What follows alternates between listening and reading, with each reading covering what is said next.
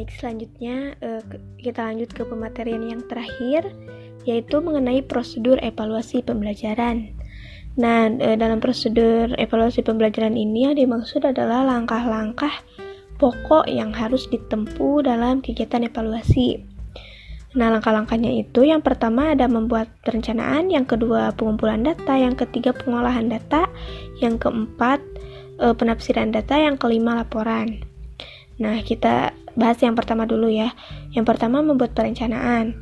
Perencanaan evaluasi ini e, di, dirumuskan secara jelas dan spesifik sehingga perencanaan tersebut itu betul-betul menjadi petunjuk dan acuan dalam menentukan langkah selanjutnya. Nah, dalam perencanaan ini, yang pertama ada membuat kisi-kisi. Penyusunan kisi-kisi itu dimaksudkan agar e, materi tes yang diujikan betul-betul representatif terhadap materi yang telah disampaikan. Kisi-kisi merupakan suatu format yang berisi komponen identitas dan komponen matriks untuk memetakan soal dari berbagai topik atau satuan bahasan sesuai dengan kompetensi dasarnya masing-masing. E, adapun fungsi dari kisi-kisi uh, yaitu sebagai pedoman bagi guru untuk membuat soal menjadi tes. Nah, ada beberapa syarat untuk membuat kisi-kisi dengan baik. Yang pertama, kisi-kisi itu harus mewakili isi kurikulum dengan uh, yang akan diujikan. Uh, yang kedua, yaitu komponen-komponennya itu harus rinci, jelas, dan mudah dipahami. Yang ketiga, soal-soalnya itu dapat di, dapat dibuat sesuai dengan indikator dan bentuk soal yang akan ditetapkan. Setelah menyusun kisi-kisi, kemudian guru membuat soal yang sesuai dengan kisi-kisi, menyusun lembar jawaban siswa, membuat kunci jawaban, dan membuat pedoman pengolahan skor.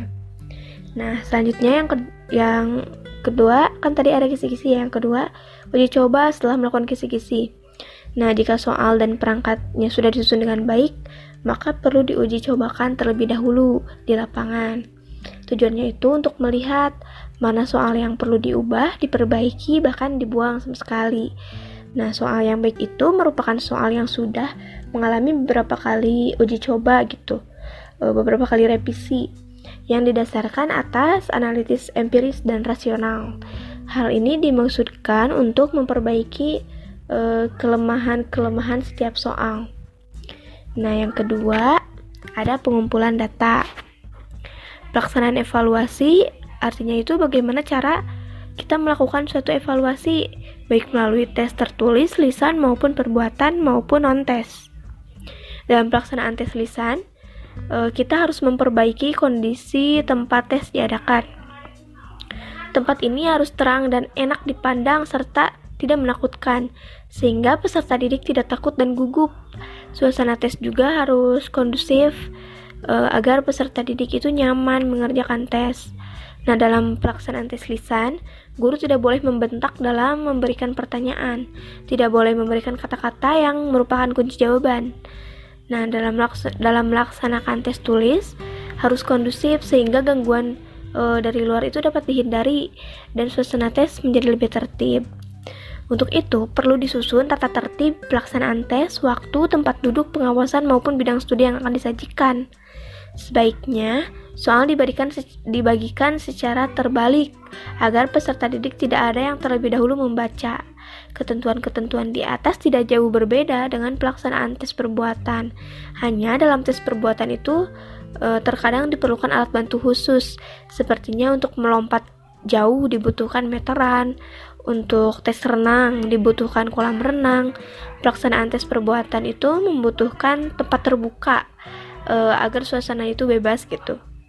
Nah, jika semu jika semua data itu sudah dikumpulkan, maka data itu perlu kita seleksi dengan teliti sehingga kita uh, dapat memperoleh data-data itu dengan baik dan benar.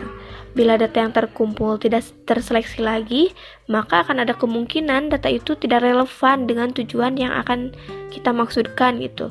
Bahkan mungkin pula bertentangan sehingga e, mengakibatkan kekaburan atau kekurang jelasan. Nah, yang ketiga ada pengolahan data. Setelah data-data itu dikumpulkan, kan data itu harus diolah ya. Mengolah data itu e, berarti ingin memberikan nilai dan makna ke, e, mengenai kualitas hasil pekerjaannya. Nah, misalnya jika ada murid yang mendapat nilai 65, kita belum dapat memberikan keputusan tentang murid itu apakah murid termasuk cerdas, kurang atau e, memberikan keputusan mengenai kepribadiannya si murid eh kepribadiannya murid gitu. Dalam pengolahan data biasanya sering digunakan e, si analis analisis statistik gitu. Terutama kan data kuantitatif datanya datanya berbentuk angka-angka. Yang keempat ada penafsiran data. Jika data, da, jika data dari hasil evaluasi sudah diolah, maka langkah selanjutnya yaitu menafsirkan data. Sehingga nanti akan memberikan makna, memberikan penafsiran, maksudnya itu uh, membuat pernyataan uh, mengenai hasil pengolahan data tersebut. Dalam mengadakan penafsiran, baik secara kelompok maupun individual, guru itu harus menggunakan norma-norma yang standar sehingga e, data yang diperoleh dapat dibandingkan dengan norma-norma tersebut. Berdasarkan norma yang dapat kita ditafsirkan bahwa peserta didik itu mencapai taraf kesiapan yang e, memadai atau tidak, ada kemajuan yang berarti atau tidak, ada kesulitan atau tidak.